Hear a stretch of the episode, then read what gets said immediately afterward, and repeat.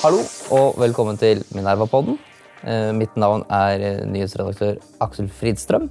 Og i dag har jeg vært så heldig å få besøk av en gjest. Og det er jo ingen ringere enn tidligere forsvarssjef Sverre Disen. Og nå forsker på Forsvarets forskningsinstitutt. Og vi har invitert deg eh, hit i dag. Det er jo litt med bakteppet i konflikten i Ukraina, men det er ikke det vi skal prate om. Men vi skal snakke om hvilke type eh, Eh, hva dette vil bety for den norske forsvarsplanleggingen. For det er jo eh, i Norge normalt sett så er det jo mange som eh, snakker om forsvar gjerne som en abstrakt størrelse, men nå er det jo oppløst for mange som veldig mye mer reelt. altså Hva kan vi forvente i fremtiden? altså Vi går en kanskje mer usikker tid i møte, og det er mye prat om å ruste opp den norske forsvarsevnen. nå. Uh, derfor har du jo nå blitt invitert hit for å si gjerne noe om hva er det du tenker om dette? Altså, hva er det vi eh, egentlig bør tenke på hvis vi ønsker å forbedre vår egen forsvarsevne? Da tror jeg det første vi skal være oppmerksom på, det er at eh, det som foregår i Ukraina, eh, det er jo for ukrainerne en, en, total og eksistensiell krig. Det står om Ukrainas være eller ikke være som, som eh, nasjon. Eh, det er ikke lenger den type krig vi planlegger for i Norge.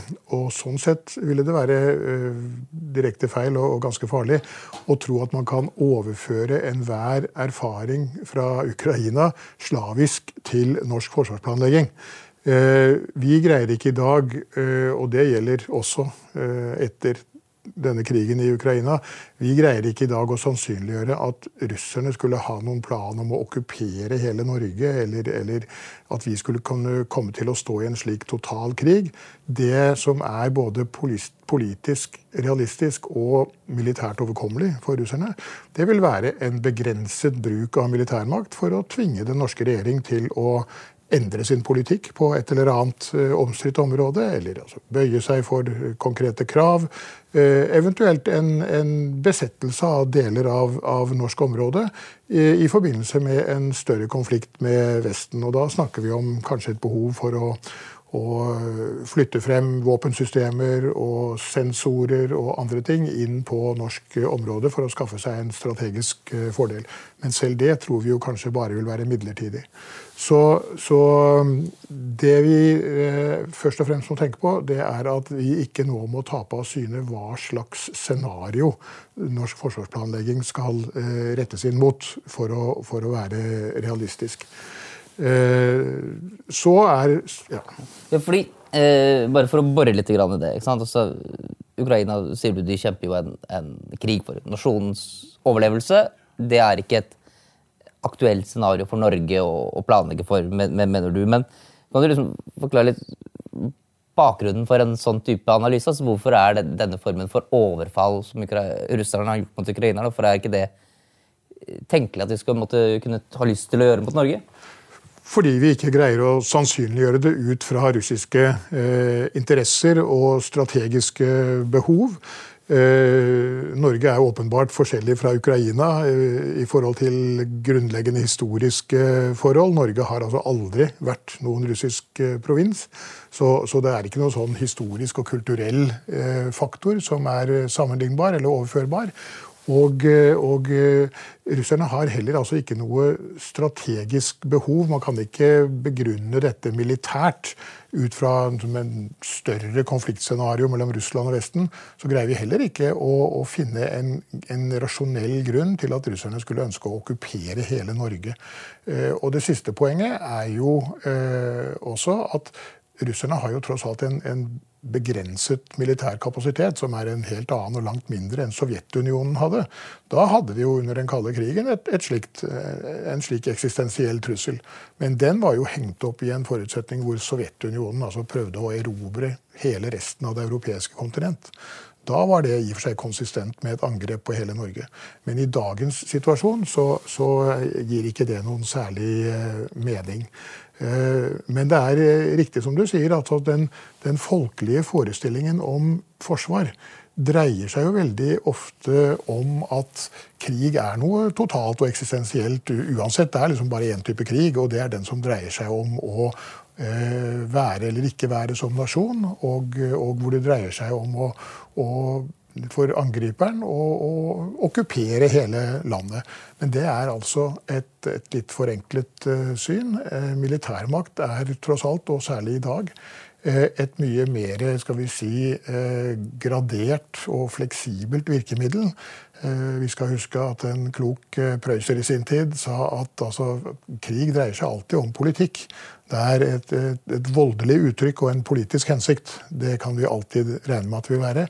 Men altså hva den politiske hensikten er, og, og, hvor mye og hvor stor og hva slags vold det innebærer å realisere det politiske målet, det kan være alt fra en nær sagt beskjeden demonstrasjon av en militær evne, til selvfølgelig det Ukraina opplever i dag. Og vi tror altså at ut fra hva det er mulig og tenkelig å tillegge russerne av motiver i forhold til eh, Norge i en sånn sammenheng, så, så ender vi altså opp med noe som er relativt begrenset. Selv i en situasjon hvor det blir en større konflikt mellom, mellom Russland og Vesten. Vi skal altså huske at Russland er i dag, i motsetning til Sovjetunionen Russland er eh, underlegent eh, Nato og Vesten totalt sett. Og, eh, og, da skal jeg selvfølgelig også passe på å føye til at når vi tenker på den måten, så er det selvfølgelig også med utgangspunkt i at vi er medlem av en vestlig militær allianse. Så den Men da bare til det. Altså man, hvis du sier ok, russerne de, vi kan ikke sannsynliggjøre at de ønsker å gjøre et sånt utslettelsesoverfall eller gjøre Norge til et lydrike. Eh, men altså, hva er Eh, si, de politiske grunnene eller den formen for hendelse som liksom da likevel utløser at det plutselig ruller eh, russiske våpensystemer innover Norge. Altså, hva, hva, slags type hendelse er det man liksom, som worst case som man likevel kan sannsynliggjøre? På en måte som gjør at det er hensiktsmessig å planlegge for? Hva slags type hendelse er det? der, der, er jo de, de mest alvorlige scenarioene som, som, brukes i forsvarsplanleggingen i dag, de tar jo utgangspunkt i det faktum at uh, rett på den andre siden av den norsk-russiske grensen, i, i Øst-Finnmark, så befinner det seg jo et, et, område av stor strategisk betydning for Russland. Eh, der har de eh, sin største marineenhet, altså Nordflåten, eh, stasjonert. Og der har de også betydelige både hærstyrker og luftforsvarsstyrker plassert. Eh, delvis for å beskytte den samme Nordflåten, eh, men delvis også som et, et utgangspunkt for operasjoner i Arktis og, og i, i Barentshavet. Eh, og Da kan man altså tenke seg at uh, i en gitt situasjon så vil de for å øke skal vi si, beskyttelsen rundt dette baseområdet, eller for å øke uh, skal vi si, spredningen av disse, noen av disse systemene, som kan tenkes å være sårbare hvis de er konsentrert på et for lite område, så har vi i hvert fall til nå regnet med at en mulighet ville være at de tar i bruk deler av norsk område for å flytte noen av disse systemene, luftvarslingssystemer, luftvernsystemer, eh, luftforsvarskampfly, eh, inn på norsk område i Finnmark eh, for å skaffe seg en større buffersone. Nå er riktignok militærteknologien også i ferd med å utvikle seg på en måte som gjør at det kanskje blir mindre aktuelt enn det har vært. Hvis missilene har en rekkevidde på to 2500-3000 km, så det er klart at den relative betydning av å flytte dem 200 km inn på norsk område, den blir mindre og mindre. Så, så disse scenarioene er noe vi hele tiden ser på kritisk og, og eh, revurderer. Men, men, hittil så har, som du spurte om, altså et, et worst case scenario har vært en, en, en, russisk eh, bruk av deler av norsk område i en sånn uh, større konflikt med Vesten. Men så, nesten for Russland som en defensiv er, manøver, egentlig, ja, for ja. å beskytte sine altså, egne det er, det er, kan du si, russisk, Fra russisk side og i russisk strategisk perspektiv så er det defensivt motivert. Men altså for oss som da opplever dette, så vil det jo selvfølgelig ha en, en særdeles offensiv karakter. Ehm, men så kan vi jo også tenke oss at det i en ren bilateral konflikt mellom Norge og Russland eh, at russerne eh, tenker som så at altså her er det faktisk så viktig for oss å få det som vi vil, at vi er villige til å understreke alvoret i dette kravet ved å bruke da militærmakt i begrenset grad, riktignok, ødelegge bestemte viktige militære eller økonomiske eller andre mål. Som da i og for seg bare kan være altså, plukket ut nærmest fordi, fordi de er viktige. Så, så, er det i seg selv et signal om alvoret i, i, i den intensjonen de har. Og da vil det kunne være altså et, et en måte å stille den norske regjering overfor et, et, dilemma. altså Skal vi nå bøye oss for dette kravet, eller, eller skal vi altså stå fast på vårt? Eh, og det er jo her alliansen eh, kommer inn. altså Hvis Norge befinner seg i en rent bilateral konflikt med Russland, eh, så er det klart da er det altså ingen mulighet for oss til å, å nær sagt hevde vår suverenitet i enhver sammenheng, hvis russerne er villige til å bruke den type makt. Da kommer det som er liksom det norske forsvarets nær sagt forretningsidé inn, som er å gjøre en bilateral norsk-russisk konflikt til et alliert anliggende. Til et spørsmål om alliansens troverdighet. Med andre ord, vi må lage et forsvar som er slik at russerne ikke kan skape en, en konflikt som er for stor for oss, men for liten for Nato. Det må ikke være noe, ikke være noe russisk handlingsrom der. Og, og, det er det som kanskje er vanskelig å, å få liksom, publikum i Norge til å forstå. At vi har et forsvar som ikke først og fremst er ment å liksom, forsvare hver kvadratmeter norsk territorium, for det er ikke mulig allikevel. Men det er ikke litt det det egentlig uenigheten holdt jeg på å si, forsvarspåleggingen eh, består i? Altså, I hvilken grad skal Forsvaret si for eksempel, eh, Nå er ikke jeg forsvarsplanlegger, men altså, i hvilken grad er vi si, opptatt av si, territoriell kontroll? da? F.eks. sammenlignet med å bare å påføre russerne tap. Altså, hvis de kommer eh, der er du jo inne på nettopp det som er liksom, skal vi si, hovedskillelinjen i dagens norske interne forsvarsdebatt. altså Den fagmilitære diskusjonen innad i Forsvaret går jo nettopp på dette. Eh, altså Gitt at det er eh, ressursmessig umulig, gitt styrkeasymmetrien mellom oss og russerne, og hvordan geografien ligger an her, eh, så er det ikke mulig for Norge å, å forsvare liksom, hver, hver eneste kvadrat meter norsk jord fra grensen og bakover. Ehm, så det kan vi bare se bort fra. Eh, og så er spørsmålet hvilken konsekvens skal det ha? Skal det ha den konsekvens at vi da liksom prøver så godt vi kan allikevel? Eller skal det ha den konsekvens at vi tenker helt annerledes og sier at vel, altså det er ikke mulig, eh, og det er kanskje ikke engang nødvendig, å si at forsvar i, strategisk og sikkerhetspolitisk forstand eh, er nødvendigvis det samme som forsvarsstrid med bakkestyrker i taktisk forstand, i den hensikt å holde territorium. Er det f.eks. mulig å si at nei, vi skal ha en evne til å påføre angriperen tap så lenge han oppholder seg på norsk område eller forflytter seg på, over norsk område, så skal vi ha en evne til å påføre ham tap. For det er det som egentlig definerer den stridssituasjonen som er en forutsetning for å utløse alliansens artikkel 5, som vi sier, altså artikkelen om kollektivt forsvar. Eh, det er derfor altså det er verken eh, mulig eller nødvendig. Eh, vil noen av oss si alle vil måtte være enig i at det ikke er mulig. Og noen av oss mener altså da at det i tillegg er tilstrekkelig hvis vi greier å påføre angriperen tap så lenge han befinner seg i Norge. Men det blir da et forsvar som har et annet utseende enn det det har i dag. Da er det andre våpensystemer, andre sensorer, en annen organisasjon som må til, enn den vi prøver å videreføre nå. Som egentlig er en nedskalert versjon av det gamle territorialforsvaret. Som selvfølgelig var eh, innrettet på en annen måte. Som var innrettet på eh, å holde norsk territorium eh, mest mulig av det, lengst mulig. Eh, men det var altså mange ganger så stort som det forsvaret vi har i dag. Jeg vil spørre om uh, forskjellen på hvordan man altså, organiserer territorialforsvar sammenlignet med dette andre konseptet. Hvor man behandler handler om å påføre russerne tap. Men uh, hvis vi sammenligner med et annet naboland, med, med grense mot Russland, Finland f.eks. Altså, de har jo, i hvert fall min forståelse, at det er veldig basert på en slags sånn form for mobiliseringsforsvar. på et vis. Altså, det er hvis det kommer noen russere til Finland, da finner du en million sinte finner med maskinpistoler og ski og sykler, eller hva det er for noe. Uh, er det et dårlig konsept for Finland, eller er det et bra konsept for Finland? Hvorfor kan ikke vi ha det konseptet? Jeg, jeg tror faktisk at det er et dårlig konsept for Finland, men det har altså den eh, store fordel eh, og den store styrke, kan man kanskje si, at finnene er i det minste internlogiske. Altså de er konsistente. For finnene har altså ikke den samme trusselvurderingen som oss.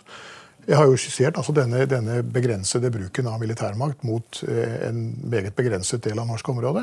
Finnene sier som så at får vi et eh, nytt russisk angrep, så blir det slik det alltid har vært bakover gjennom århundrene. Da kommer eh, russerne for å, å ta altså, hele eller store deler av Finland. Det vil de i dag måtte bruke ganske lang tid på å forberede. Altså den oppmarsjen, den sammendragningen av styrker, med dagens tross alt begrensede russiske hær sammenlignet med Sovjetunionens, eh, så vil det eh, kreve tid. Eh, de forberedelsene vil vi oppdage med moderne overvåking og etterretningssystemer. Det gir oss tid til å mobilisere en stor territoriell hær beregnet på å forsvare finsk territorium langs hele den finsk-russiske grense. Eh, og det vil altså ta tid, og det vil kreve at vi da har eh, et behov for å gjenoppøve eh, disse avdelingene, som riktignok er på repetisjonsøvelse fra tid til annen, men altså tross alt. Og det betyr at hos finnene så er det altså samsvar mellom trusselvurdering og forsvarskonsept og forsvarsmodell. Eh, så har finnene selvfølgelig det problemet at de like lite som oss i dag er i stand til å betale for et så stort forsvar. Og det fører jo til at den finske hæren og det finske forsvaret nå halveres eh, omtrent hvert tiende år.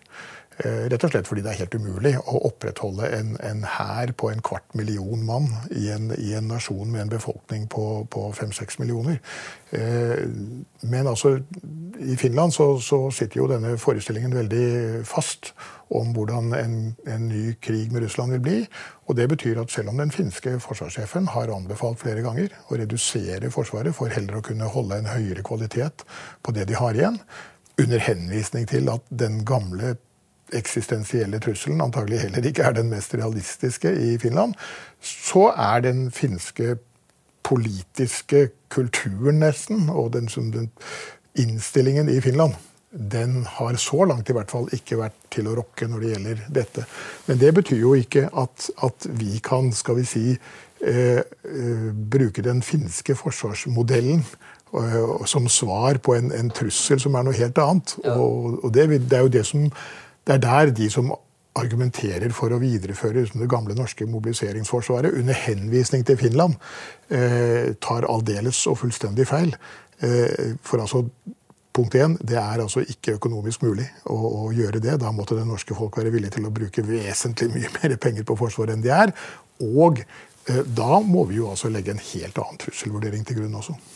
Men eh, for å gå da litt i, i, dybden på det du da mener er hensiktsmessig norsk forsvarsplanlegging, basert på det scenario som man da snakker om altså for russerne. Skyver inn en del våpensystemer på norsk jord i Finnmark for, eksempel, for å okkupere det midlertidig, da, men ikke for å bli hva slags type systemer er det du da mener at vi trenger, sammenlignet med hva vi har? Ja, da, i, i, dag er jo uh, konseptet uh, en slags nedgradert versjon av det gamle, ved at man sier at vel, vel, vi får ta den ene lille brigaden vi har, og så får vi flytte den frem til Finnmark.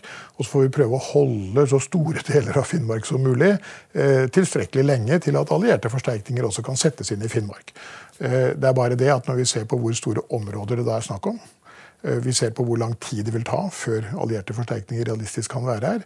Vi ser på hva slags styrker og hvor store styrker russerne kan eh, benytte i et sånt angrep. Og hvilken handlefrihet de har med tanke på bruken av dem. Hvis vi da holder alle disse parameterne sammen, så ser vi at dette er et fullstendig urealistisk konsept. Med andre ord, det er da vi må si at da kan vi ikke basere oss på å skulle holde noe noen del av dette utsatte territoriet i, i Finnmark i det hele tatt. Og det, da snakker vi om altså, Fordi det kommer så mange russere at den styrken det er, det er, altså, ikke, ikke, bare fordi det kommer for mange russere, men altså rett og slett fordi det er noe med forholdet mellom tid og rom og, og styrker til rådighet. Altså Finnmark er 20% større enn Danmark. Og en liten norsk brigade, altså uansett hva motparten gjør, så er, så én brigade er altså håpløst for lite til selv å overvåke et så stort territorium. Og når motparten da har stor handlefrihet i forhold til liksom hva slags makt han vil bruke hvor, eh, og vi skal reagere på alt dette innenfor dette enorme området, så blir det altså eh, rent sånn fysisk en umulig oppgave. Så kommer da selvfølgelig de mest alvorlige scenarioene i tillegg. Altså hvis russerne for alvor flytter deler av sitt baseforsvar på Kolahalvøya inn på norsk område, ja, så snakker vi også om så store styrker at, at, styrkeforholdet blir et problem. Så du kan si at litt avhengig av hva slags angrep vi snakker om, så er det altså enten det rene styrkeforholdet som er ugunstig, eller også så er det rett og slett det, det rent fysiske. altså Det er forholdet mellom hvor mye tid har vi, hvor store områder prøver vi å dekke, og hvor store styrker har vi å, å bruke til dette. Og det er da jeg sier at vi må altså igjen si at altså, det som er foran vi si, det vi kaller Lyngen-defileet, altså det som er hele det, denne, denne, denne, korridoren mellom Nord-Troms og Finnmark, som er en 300 km lang eh, skal vi si, kløft, nærmest. Eh, altså en enkelt vei som går gjennom et veldig alpint og krevende terreng, og en akse som svært lett kan avskjæres med enkle midler. Eh, moderne missilvåpen f.eks., som i realiteten gjør at russerne kan gjøre Finnmark til det vi kaller en eksklusjonssone. Altså inn hit greier vi ikke å flytte eh, norske styrker, i hvert fall ikke langs vei. Og skal vi flytte dem over sjøen, så har det også noen utfordringer i retning av altså kontroll på sjøen og, og i luften. Så da må vi altså si at vi har, vi har ingen ambisjon om å holde noe norsk område av betydning, annet enn vi med, skal vi si, med helt små styrker som, som driver altså en form for gerilja, om du vil. Eller altså forstyrrer og, og eh, forsinker et, en, en, russisk operasjon. Eh, I stedet må vi sørge for for det første, å ha en oversikt over hva som skjer, slik at vi vet hvor de er og hva de gjør. Ja, hvordan er det den optimale responsen da ser ja, ut? Det vil altså være en, en, det vi kaller på militærsk, uh, i militærsk språkbruk situasjonsforståelse som vi må skaffe oss med alle slags sensorer. egentlig, altså Alt fra satellitter til små enheter på bakken som kan observere eh, viktige punkter og områder eh, fra eh, skal vi si, egnede steder. Eh, og som har nødvendige instrumenter og sambandsmidler for å formidle dette tilbake til et forsvar som da i hovedsak må befinne seg eh, i dette eh, tilbaketrukne området i Troms, hvor vi jo har egentlig bygget opp mesteparten av Forsvarets infrastruktur etter krigen. Eh, og med den situasjonsforståelsen som vi da skaffer oss ved hjelp av satellitter, droner og, og, eh, meget små enheter på bakken, så må vi kunne påføre angriperen tap med avstandsleverte våpen, delvis. Eh, av prinsipielt samme type som vi ser i bruk i, i Ukraina også, for så vidt. Altså den type våpen som, som kan avleveres meget presist fra stor avstand mot de eh, angrepsavdelingene som befinner seg på norsk område. Og eh, ikke bare det, for så vidt, men også det som nå begynner å bli en veldig interessant eh, teknologi fra dette synspunktet, nemlig det vi kaller autonome våpen. Altså våpensystemer som ikke er avhengig av å bli eh, skal vi si, operert fra eh, et eller annet eh, kommandosenter et eller annet sted, men som altså er styrt av algoritmer, og som, som angriper de målene de er programmert for å, å angripe. Hva enten den signaturen er visuell eller akustisk eller, eller hva det måtte være. Eh, det hele selvfølgelig da innenfor eh, betryggende folkerettslige og andre rammer. Eh, men dette er altså våpen som det i dag er mulig f.eks. For å, forhåndsplassere i Finnmark. Og som vil gjøre at vi er eksempelvis uavhengige av et til enhver tid fungerende radiosamband mellom beslutningstakere og våpensystemer. Men det du da i realiteten snakker om, er jo egentlig å lage et, et mest mulig gjerrig system. da. Ja. Altså, Vi skal uh, eliminere så mange russiske styrker som mulig, egentlig. Uten å egentlig komme så nærme dem at vi selv lider egne tap. Ja. Det. Det, det, kan du godt si. Ja. Eh, nettopp fordi, som sagt, hvis vi sier at allierte forsterkninger eh, av noen betydning, og da snakker vi først og fremst om bakkestyrker, vil det ta altså minimum 30 dager å få til Norge. Og hvis, det er klart at hvis vi da skulle prøve å holde dette svære territoriet, eller store deler av det, i Finnmark like lenge som det vil ta å få allierte forsterkninger, hvilket må være den logiske hensikt hvis det skal altså være noe vits i å prøve, så snakker vi altså ikke bare om å holde et, en, en, stor del av Finnmark fylke, hele vestre og midtre Finnmark. Eh, eh, vi snakker om å holde det i, i flere uker eh, i en sånn situasjon, med høyintensiv strid. Eh, og da snakker vi altså om høyintensive kamper av den typen vi ser i, i Ukraina i dag. Så rent taktisk, eh, når avdelingene kommer i inngrep med hverandre, så blir det ikke noen forskjell på dette. Eh, men det skal vi altså kunne fortsette med i 30 dager. Og mitt poeng er at punkt 1, det er altså ikke mulig. Og det vil uansett kreve enorme tap. Så vi vil antagelig gå tomme eller vi vil måtte gi opp dette lenge før det er gått 30 dager uansett. Eh, men mitt poeng er altså at det er jo heller ikke nødvendig. fordi hele, altså hele poenget med et norsk forsvar er å sørge for at konflikten blir et alliert problem, og ikke et rent bilateralt norsk-russisk eh, norsk konflikt.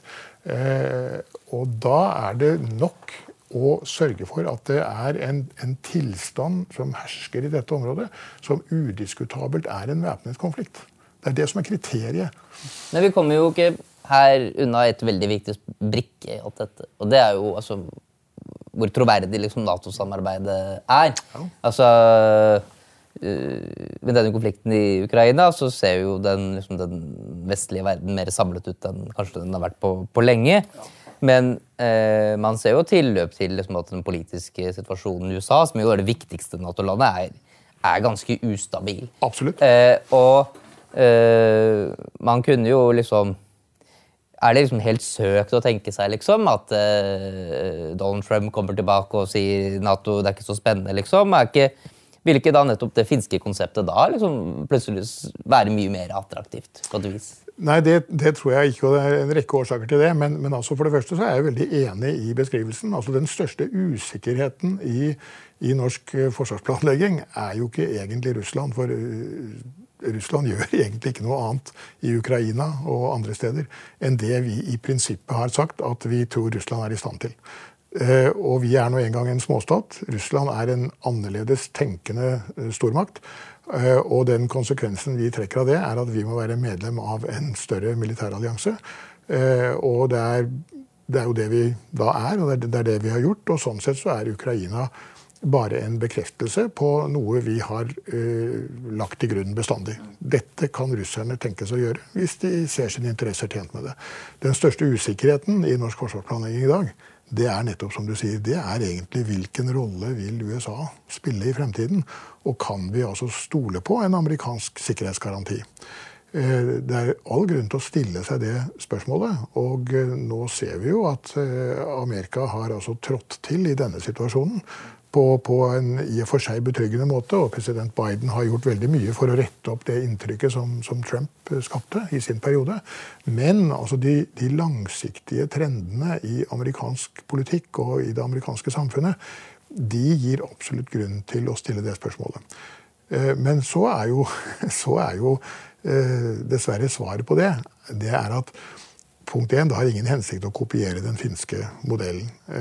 Fordi det måtte jo da forutsette at, igjen, at, at, hele Norge var utsatt for en type trussel hvor det skulle ha en verdi å ha liksom eh, heimevern overalt med, med nær sagt eh, maskinpistoler og, og skulderavfyrte panservernvåpen.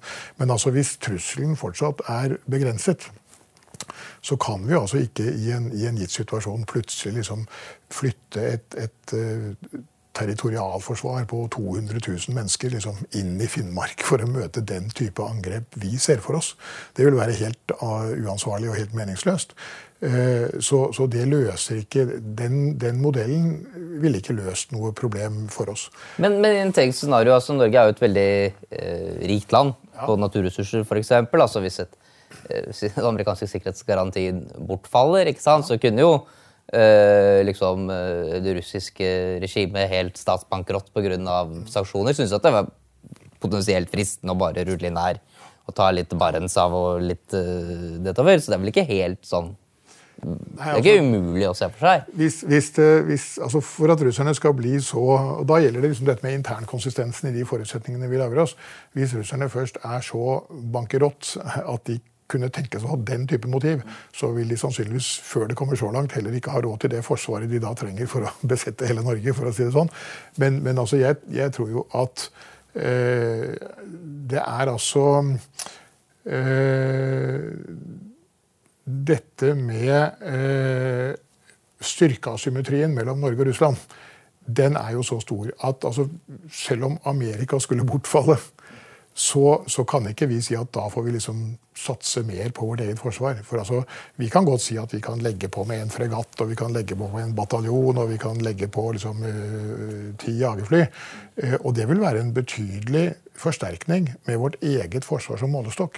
Men den, den interessante målestokk uh, i denne sammenheng, det er jo ikke vårt eget forsvar. Det er forskjellen, det er styrkeasymmetrien på oss og Russland. Og i forhold til den så betyr det jo ingenting hva vi er villige til å gjøre med vårt eget forsvar, sånn, sånn med tanke på volumet. Eh, så, så det blir Til en viss grad så må du jo gjøre det. altså La oss si vi bestemte ja, vi vil ha dobbelt så stort forsvar. Altså, nå ja, sier jeg ikke at politikerne kommer til å si det, men altså, selv, selv, eh, selv, med et dobbelt så stort forsvar så, så vil jo ikke den asymmetrien være uh, nær sagt borte. Men, men det er klart et, uh, da forutsetter du at vi er villige til å bruke 150 milliarder istedenfor uh, 70 milliarder. Og, og, det er jeg jo litt i tvil om hva slags situasjon som da skulle til med de prioriteringer det ville kreve. Altså Mitt poeng er egentlig at hvis, hvis vi liksom skal se på uh, vårt forsvar og forholdet til Russland i den forbindelse, så vil en, en, en styrking av det norske forsvaret uh, som er innenfor rammen av i fall det vi uh, i dag kan se for oss som noe tenkelig forsvarsbudsjett, det vil altså gjøre dette til et spørsmål om vi skal vi måtte be om forhandlinger på torsdag eller tirsdag. Det er, det er i den eh, målestokken vi da snakker. Eh, og Det betyr i praksis at Norge, og det er det mest, det mest grunnleggende trekk ved Norges liksom, geopolitiske og strategiske stilling, det er nettopp vår allianseavhengighet. Og da, hvis eh, USA skulle bortfalle, vel, så, så vil jo det ha en eller annen konsekvens i Europa.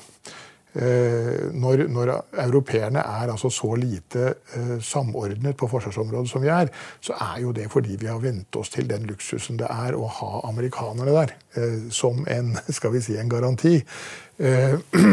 Både kjernefysisk og, og, og konvensjonelt.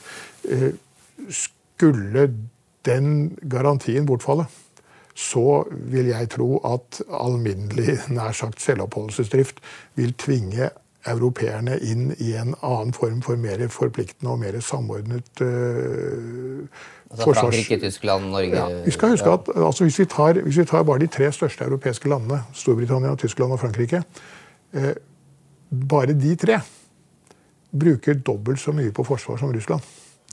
Og som amerikanerne aldri blir trøtt av å minne oss om. Altså, hvis bare, hvis bare de tre største av dere tok dere sammen, så, så, ville dere kunne lage et forsvar som fikk Russland til å se ut som et liksom, tredjerangsproblem. Eh, Istedenfor så, så bruker dere pengene på skoler og sykehus og veier og sånn, som vi også kunne trenge å bruke penger på. Og så, så lar dere oss eh, liksom, ta mesteparten av byrden ved å forsvare Europa. Og det er jo dette amerikanerne er så lei. Og det er jo det, da snakker vi jo også om, om eh, helt andre og langt flere amerikanske eh, politikere enn en Donald Trump. Så, og dette tror jeg jo kommer til å å bli resultatet allikevel. Ikke at amerikanerne bare pakker sammen og drar, men at amerikanerne kommer til å stille helt andre og langt tøffere krav til eh, en mer samordnet europeisk forsvarsinnsats.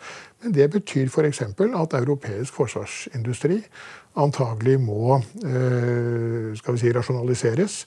Eh, og det kommer til å koste ti, om ikke hundretusenvis av arbeidsplasser. For dette er jo skjermede industrier i dag. Eh, som tillater europeerne å drive og lage liksom, hver sine stridsvogner og hver sine undervannsbåter og hver sine kampfly osv. Eh, altså, Europa kunne få langt mer forsvarsevne ut av sine budsjetter hvis vi var villige til å bruke dem eh, uten hensyn til alle disse andre tingene som ofte kommer inn og styrer bruken av eh, forsvarsbudsjettene i, i, europeiske land, som da er nettopp disse tingene. Distriktspolitikk, næringspolitikk og, og, den type ting. Så det er godt mulig at amerikanerne nå etter hvert som de også må konsentrere seg mer om Asia og Stillehavet, Kina, også kommer til rett og slett å måtte prioritere annerledes. Og men det, men da, liksom, hovedpoenget er liksom at det kanskje ikke er nødvendig å bruke så mye mer penger på forsvar hvis man bare omorganiserer det forsvaret man har? Er det liksom det som er ja, altså, det, Igjen så tror jeg nok du Hvis du spør liksom 100 offiserer om hva som skal til for at vi skal få et bedre forsvar, så vil 99 av dem svare at vi må bruke mer penger. Jeg er altså nokså overbevist om at hvis vi brukte de pengene vi har i dag, fornuftig, Eh, og da er det ikke bare oss som må bruke den fornuftig, for så vidt, men altså hvis vi i, i Europa eh, og regionalt, f.eks. i Skandinavia eh, Hvis vi brukte de pengene vi i dag bruker på forsvar, på en måte som var egnet til å maksimere den samlede effekten av disse forsvarskapasitetene, så ville vi få mer ut av dagens budsjetter enn hvis vi alle liksom øker til 2% av BNP og fortsetter å bruke pengene sånn som i dag. Men du har jo da, nå kan nesten gå inn for landet, men jeg opplever jo ditt eh, resonnement som det er da forholdsvis avgrenset til dette mest plausible worst case-scenario om at russerne vil skyve frem noen våpensystemer i Finnmark, altså deres bastionforsvar.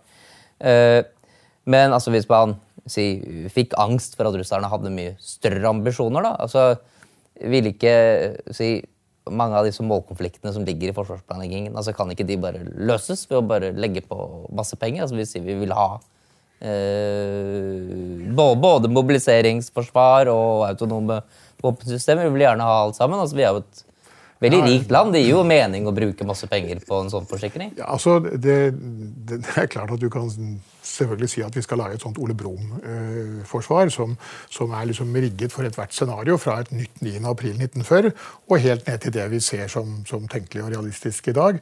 Og så kan du jo da begynne å ta med hele den trusselen som ligger under der igjen, altså det som ligger under terskelen for væpnet konflikt. Cyberoperasjoner, påvirkningsoperasjoner osv. Men, men det, er, det er egentlig ikke et spørsmål som angår det militære forsvaret, det dreier seg om å gjøre det sivile samfunnet mer robust. Så, så, det er på sett og vis utenfor eh, denne diskusjonen. Men, men altså jeg vil jo da si at, at eh, som skattebetaler så vil jeg si at det ville være helt meningsløst å, å bruke penger på et forsvar av den typen du beskriver der, eh, gitt det vi faktisk tror med beste innsikt er den reelle trussel. Bare for å tilfredsstille en eller annen sånn litt primitiv følelse av at, at liksom, det er en farlig verden, og man vet aldri. Eh, hvis, det skal man huske at altså, vi er allikevel nødt til eh, i den virkelige verden å, å skal vi si, prioritere med tanke på hvordan og hva vi, hva vi forbereder oss på. Og hvis man har den liksom, betraktningen at alt er mulig, eh, og alt har samme sannsynlighet, så er liksom punktsannsynligheten for hvert scenario er tilnærmet lik null. Og da, da, står vi overfor et helt umulig, uansett hvor mye penger vi bruker, eh, prioriterings- og sorteringsproblem. Så, så, jeg er jo en sterk tilhenger av at vi får heller da prøve å eh, ta den folkepedagogiske og politiske oppgaven det er, og, og skal vi si oppdra eller informere eh, det norske folk om, om eh, disse spørsmålene. Og så eh, få dem til å være villige til å bruke et rimelig antall kroner hvert år på et forsvar som er, så langt vi kan få det til med beste innsikt og kompetanse, et forsvar som er tilpasset eh, trusselen, og som representerer en, en, optimal kombinasjon av innsatsfaktorer for å møte den trusselen innenfor den ressursrammen. Og hva, da blir dette spørsmål, hva er det da du mener at uh, er det beste eller viktigste politikerne kan gjøre for å legge til rette for best mulig norsk forsvarsplanlegging? Ja, Nå har vi jo allerede vært litt inne på selve dette operasjonskonseptet. hvordan jeg skal på den forsvare. dynamikken. Da vil jeg si at det, det de først og fremst bør gjøre, det er å slutte å betrakte uh, Forsvaret som en sånn slags uh, forsvarspolitisk skjønnhetskonkurranse, hvor det er om å gjøre å liksom, profilere seg med en, en, størst mulig velvilje, at vi skal ha et, et størst mulig forsvar, vi skal, ha, vi skal, kjøpe det ene og det andre og det tredje, vi skal ha så og så stort heimevern, og vi skal ha så og så uh, mye av det ene og det andre.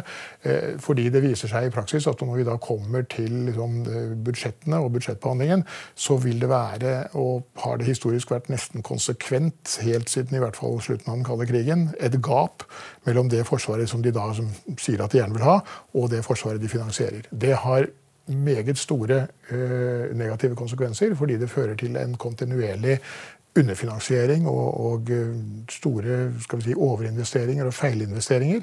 Eh, fordi Forsvaret da begynner å strekke seg etter den eh, forsvarsstrukturen og det forsvaret som politikerne sier at de vil ha. Og så opplever vi selvfølgelig at, at pengene til det, det, det kommer ikke. Og så får vi denne stadige tilpasningen til økonomiske rammer som er snevrere enn en det vi har lagt opp til med antall avdelinger, antall fly, antall fartøyer osv øvingsaktivitet. Eh, og det gjør jo at altså en, en eh, underfinansiering på 3-4% gir en forsvarsevne som en svekkelse av forsvarsevnen på kanskje 20-30% Det er jo det vi egentlig snakker om. Eh, og det er den viktigste delen av den skal vi si, politiske dynamikken som må bli annerledes. Det har vært noen ansatser de senere år. Langtidsplanen for 2017 til 2020 var et veldig stort skritt i riktig retning. Eh, den siste langtidsplanen for 21 til 24 er dessverre en skal vi si, Da har man falt tilbake til gamle synder, og det er dette det er veldig viktig å, å unngå. Det ble det siste spørsmålet. Tusen takk for at du hadde muligheten til å komme. Og takk til lytterne som har fulgt oss gjennom podkasten.